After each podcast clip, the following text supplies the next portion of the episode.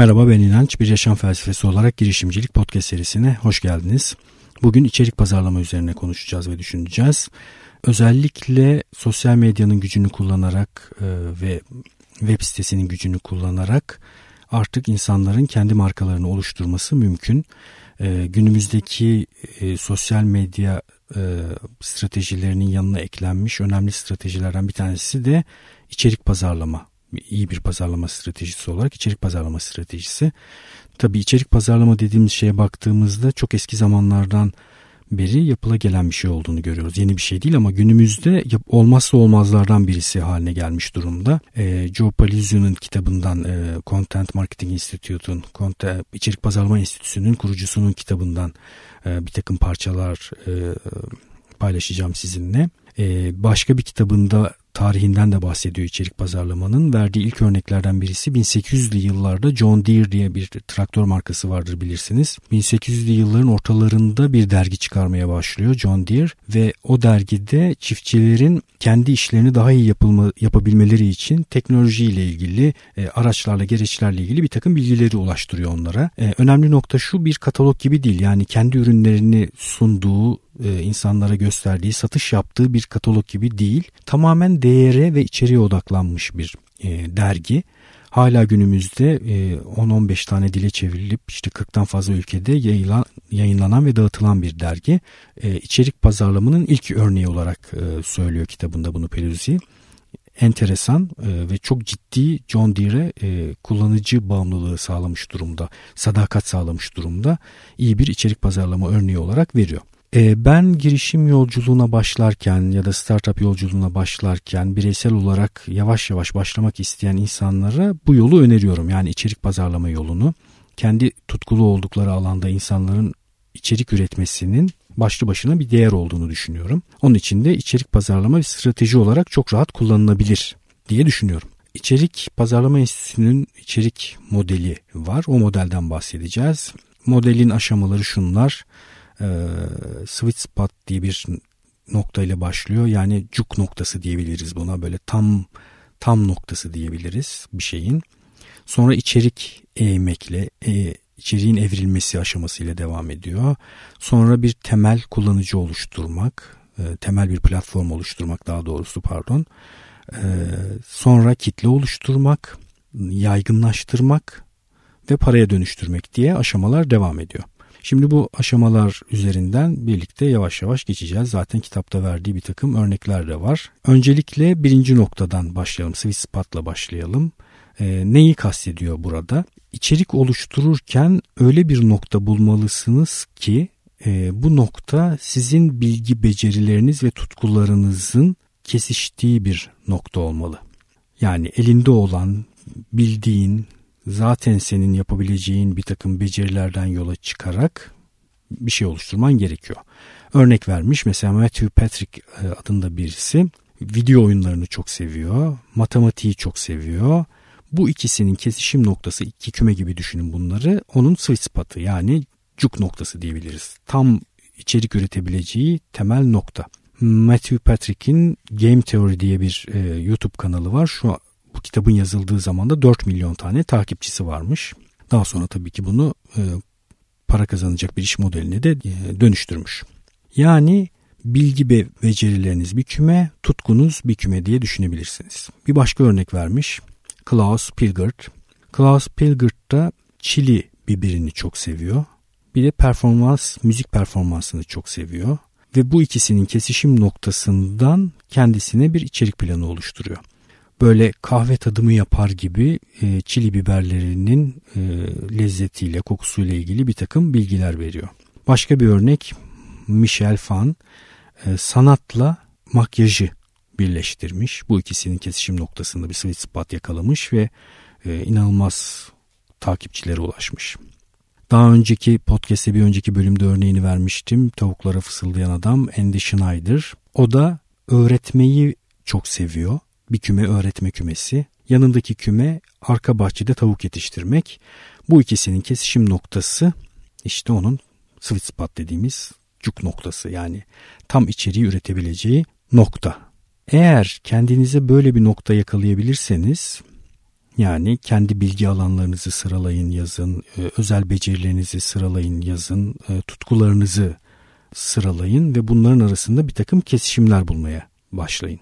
Bu kesişimi bulduğunuz zaman o alanda içerik üretmeye başlayabilirsiniz demektir. Alternatif bir bakış da sunmuş. Tutkudan yola çıkmayabilirsiniz. Bazen de müşterilerin ya da karşı tarafın temel sıkıntıları ve problemlerini bir küme olarak alabilirsiniz. Kendi bilgi ve beceri kümenizi de bir başka küme olarak alırsınız ve bu ikisinin kesişiminden de başka bir e, sweet spot yakalayabilirsiniz. Sonraki aşama içeriğin eğilmesi. The content tilt demiş. Tilt böyle eğmek anlamına geliyor. E, ev, evirmek, eğmek, başka bir açıdan görmek olarak düşünebiliriz. E, content, içerik eğerken ne yapmanız gerekiyor? Burada da içeriği herkes gibi ele almadan özel bir şekilde ele almanız gerekiyor. Ee, bir örnek vermiş. Mesela Anne Rardon diye birisi e, yemek pişirmeyi çok seviyor ve YouTube videoları hazırlamak istiyor. Pastalar yapmak istiyor. E, düşünün şimdi YouTube'da ya da internette bir takım yemek ya da pasta yapma, kek yapma videoları yayınlayan insanları düşünün. Binlerce, on binlerce böyle insan var. Bu içerik kalabalığı içerisinde sıyrılmanız mümkün değil. Yani diyelim ki sizin böyle bir niyetiniz var. Ee, bir takım yemeklerin tariflerini pişirdiğiniz bir YouTube kanalı açtığınız anda diğerlerinden biri haline geliyorsunuz ve insanların sizi takip etmesi çok zorlaşıyor. Peki Anne Rardon ne yapmış? Ee, sevdiği şeyler var. Bir kere öğretmeyi seviyor. Yemeğin bilimsel olan kısmıyla ilgileniyor. Buna eklediği içerik eğme şeyi, evirme şeyi ya da eğmek ya da evirmek diyelim. imkansız yemek yemekler yaratmak. Yani yapılması kolay olmayan yemekler yaratmak. Ee, bunu yaparken de mesela ne yapıyor? Kesildiğinde Instagram'ın logosu gibi görünen bir pasta yapıyor. Yani zor bir şey. Sonuçta kestiğinizde Instagram'ın logosunu düşünün. Oradaki o renk dağılımını ve şekli verecek bir e, kesim alanının ortaya çıkması için o keki ya da pastayı çok iyi tasarlamanız lazım. Pişirdiğinizde renklerin nasıl değişeceğini biliyor olmanız lazım. Ama bunu yaptığınızda ve bunu yayınladığınızda enteresan bir şey yakalamış oluyorsunuz. Böylece imkansız görünen bir takım yemek tasarımlarını yayınlayarak işte bu content eğme dediğimiz şeyi yapmış oluyor ve milyonlarca takipçiye kavuşmuş oluyor. Dolayısıyla sizin yapmanız gereken şey öncelikle şu cuk noktası dediğimiz sweet spot'ı yakalamak. Yani kendi bilgi ve becerilerinizle tutkunuzu, bir araya getirip kesişim noktasını bulmak. Sonra da bir eğim, içerik eğimi bulmak. Hangi özel içerik tipini üreteceksiniz ki insanların ilgisini çekeceksiniz ve onlara ulaşabileceksiniz. Sıradan olmaktan çıkıp insanların takip edebileceği bir hale geleceksiniz. Bunu hemen hemen her alanda düşünebilirsiniz. Üreteceğiniz içerikli, içerikler açısından konuşuyorum. Yani genel geçer bir içerik alanında içerik üretmek gerçekten baştan kaybetmek demek. Böyle enteresan bir tarafının olması gerekiyor. Sonra önerdiği bir şey var bu arada bir ara not olarak. İçeriğinize bir misyon ifadesi yazın diyor. Yani içerik bir tür içerik filtresi gibi düşünün. Ben bu içeriği niye yapıyorum sorusunun cevabını iyi verin ki hangi içerikleri koyup hangi içerikleri koymayacağınızı bu filtreye bakarak karar verebilirsiniz diyor. Bunu yaparken de ne yapıyorsunuz? Hedef kitlenizi belirliyorsunuz. Bu hedef kitleye hangi e, materyali ulaştıracağınızı belirliyorsunuz ve sonra da o kitlede açığa çıkacak faydayı tarif ediyorsunuz. Mesela ink.com için bir tane böyle bir içerik misyonu paylaşmış. Girişimciler ve iş sahiplerinin ilham alabilecekleri, e, bilgi bulabilecekleri, faydalı bilgiler bulabilecekleri, kaynaklara ulaşabilecekleri bir web sitesidir. Bunu da insanların işlerini büyütmesi için yapıyoruz demiş İnk. Bakın üç tane madde var. Kim için bu? Girişimciler için ve iş sahipleri için. Ne veriyoruz biz onlara? Bir takım faydalı bilgiler, ilham verici şeyler ve kaynaklar veriyoruz. Peki karşı tarafa bunu verdiğimizde onda açığa çıkacak olan fayda nedir? Çıktı nedir? İşlerini büyütüyor olmaları. Dolayısıyla ink.com web sitesine herhangi bir içeriğe koyup koymama kararını bu misyon ifadesine göre veriyor. Eğer o şey girişimciler ya da iş sahipleriyle ilgili değilse elendi. E, bir takım bilgiler içermiyorsa, ilham vermiyorsa, bir kaynak değilse elendi. O verilen kaynak insanların işlerini daha çok büyütmelerine fayda sağlamıyorsa yine elendi. Bu üçünü sağlamayan herhangi bir şeyin o web sitesinde yer alması mümkün değil.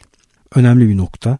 e, herkes kendi içeriği açısından bir hedef kitle belirleyebilir. O hedef kitleye ne tip şeyler iletebileceğini önceden belirleyebilir. Bir de bu iletilen şeylerin o, o kişide ne sağlayabileceğini düşünebilir. Örnek vereyim. Ee, diyelim ki edebiyat, roman ve şiirlerden bir takım şeyler paylaşıyorsunuz, pasajlar ve bunları analiz ediyorsunuz. Niye güzel bulduğunuzu anlatıyorsunuz blog yazınızda. Bunu kime yapıyorum ben? Kime yaptığım bir, şey, bir kere nasıl yaptığımı tamamen değiştirecektir. Yani şu şöyle olabilir. Lise öğrencilerinin edebiyat zevkini arttırmak için e, çıktım ne benim yani edebiyat zevkleri, damak tatları artacak. Ne ileteceğim ben onlara? Şiirlerden, hikayelerden, romanlardan bir takım pasajlar ve bunların analizleri. Kitle kimdi zaten? Lise öğrencileri. Dolayısıyla ben artık böyle bir içerik modeli tasarlayabilirim. Bu bu ifadeye bakarak. Bir sonraki aşama temeli inşa etmek aşaması. Temeli inşa etmekten kastı şu. Bir tane kendinize platform seçin ve sadece bu platform üzerinde çalışın diyor. Yani çok fazla dağılmayın. Hangi platformda bu işi yapacağınıza karar verin. İşte YouTube'sa YouTube. Web sitenizde yapacaksanız web sitesi. Instagram'da yapacaksanız Instagram her yerde her şeyi yapmaya çalışmak yerine ya da podcast olabilir. Ee, bir şeyi seçin başlangıç olarak daha sonra çünkü dağıtacaksınız ve o seçtiğiniz yerde istikrarlı bir şekilde o şeyi üretmeye devam edin. Bunu yaparken de şunu unutmayın. Kendinizi merkeze koymamanız lazım. Özellikle markalar için bu çok önemli. Eğer marka olarak bir içerik pazarlama yapıyorsanız markaların en büyük hastalığı şudur. Kendi ürünlerini, hizmetlerini ve kendi ürettikleri faydayı anlatmaya çalışırlar. Yeni pazarlama modellerinde ise markanın ne olduğunun bir önemi yok. Önemli olan karşı tarafta ürettiği fayda ve değer. Hep karşı taraf açısından düşünerek bu işe yaklaşmak gerekiyor. Hele içerik pazarlama için satış kokan ifadeler, kelimeler, cümleler hiç e, tavsiye edilmiyor. Önemli olan bir değer üretmeniz. Çünkü siz bir değer ürettiğinizde kullanıcılar size güveniyorlar ve bu güven sonra zaten ticarete dönüşüyor. Doğal olanı da bu zaten ilkeli olanı da bu. Bunu yaparken şuna dikkat edin diyor. Bir ihtiyacı giderin muhakkak içerik pazarlama yapıyorsanız bir ihtiyacı gideriyor olmanız lazım. İki, tutarlı olun. Yani haftada birse haftada bir olacak. Haftada üç defa yapıyorsanız haftada üç defa olacak. Ayda bir defa yapıyorsanız hafta ayda bir defa olacak ve tutarlı olacak. Üçüncü madde insan olun. İnsan olundan kastı şu marka gibi otoma, otomatik e, ya da otoriter bir tonda olmasın. Gayet insani, sıcak, samimi olsun. Dört, bir bakış açınız olsun. Yani ansiklopedi içeriği üretmiyorsunuz demiş. Ansiklopedi gibi böyle kuru bir dille anlatmayın. Bir perspektifiniz, bir yaklaşımınız olabilir meseleye. Beşinci madde satış kokan ifadeler kullanmayın. Altıncı madde yapabileceğinizin en iyisini yapın. Yani ortalama içerikler üretmeye çalışmayın. Çok kaliteli ve çok iyi içerikler oluşturun. Ne gibi içerikler üretebilirsiniz? İşte videolar olabilir, metinler olabilir, blog yazıları olabilir, kitap olabilir, dergiye yazı yazabilirsiniz, bir takım makaleler yazabilirsiniz, haftalık bülten gönderebilirsiniz insanlara, herhangi birini seçebilirsiniz, podcast kaydedebilirsiniz. Bunu belirledikten sonra hangi kanal olduğunu da belirledikten sonra istikrarlı olarak bu işi yapmaya başladığınızda işte bu temeli inşa etmiş oluyorsunuz. Yani tekrar edelim Sweet spot yakaladık, cuk noktası. Bizim bilgi becerilerimizle tutkumuzun kesiştiği bir nokta yakaladık. Bir içerik eğme yaptık. Yani sıradan ve herkesin rastlayacağı tarzda bir içerik değil de biz ona bir lezzet kattık diyelim ki. Ee, sonra bir tane platform inşa etmeye başladık. Temeli inşa etmeye başladık. Yani bir yer seçip tutarlı bir şekilde, istikrarlı bir şekilde değer üreten içerikleri üretmeye başladık belli aşamaları geçmiş oluyoruz zaten bunu yaptığımızda. Bir sonraki aşamamız kitlenin oluşturulması. Kitlenin oluşturulması için özellikle bir güven ilişkisinin olması gerekiyor ve insanların sizi takip etmeye başlaması gerekiyor. İnsanların sizi takip etmeye ve başkalarına önermeye başlaması için de e, çok değerli içerikler üretmeniz gerekiyor. Belli bir içerik değerinden sonra, belli bir sayıda içeriğe de ulaştıktan sonra yavaş yavaş bir seyirci ya da izleyici kitlesi oluşmaya başlıyor. Ee, yaklaşık işte bin kişi ile belli bir kitleye ulaştığınızı söyleyebilirsiniz. İşte 10 bine ulaştığında başka bir aşamaya geçmiş oluyorsunuz. Yavaş yavaş platforma göre değişecektir. YouTube'da belki çok daha büyük bir kitleye ulaşmanız gerekir. Ama e, Instagram üzerinden bir iş yapıyorsanız 10 bin civarında bir insana ulaşmış olmak e, önemli. Burada da insanlarınla sürekli temas halinde olabilmek için bir e-posta listesi oluşturmanız öneriliyor. Benim de bu podcast için yapmış olduğum şeylerden birisi e, farkındaysanız bir e-posta listesi oluşturmaya çalışıyorum.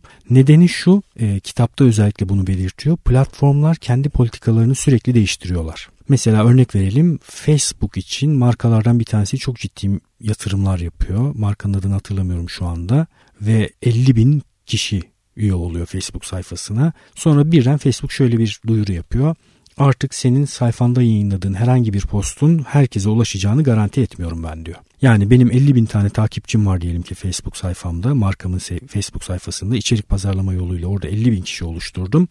Pat diye Facebook bir güncelleme yapıyor ve diyor ki reklam vermediğin sürece bu 50 bin kişiden 1000 kişiye ben senin postunu gösteririm. Bu tür düzenlemeler nedeniyle kendi web siteniz etrafında bir kitle oluşturmanızı öneriyor Polizi.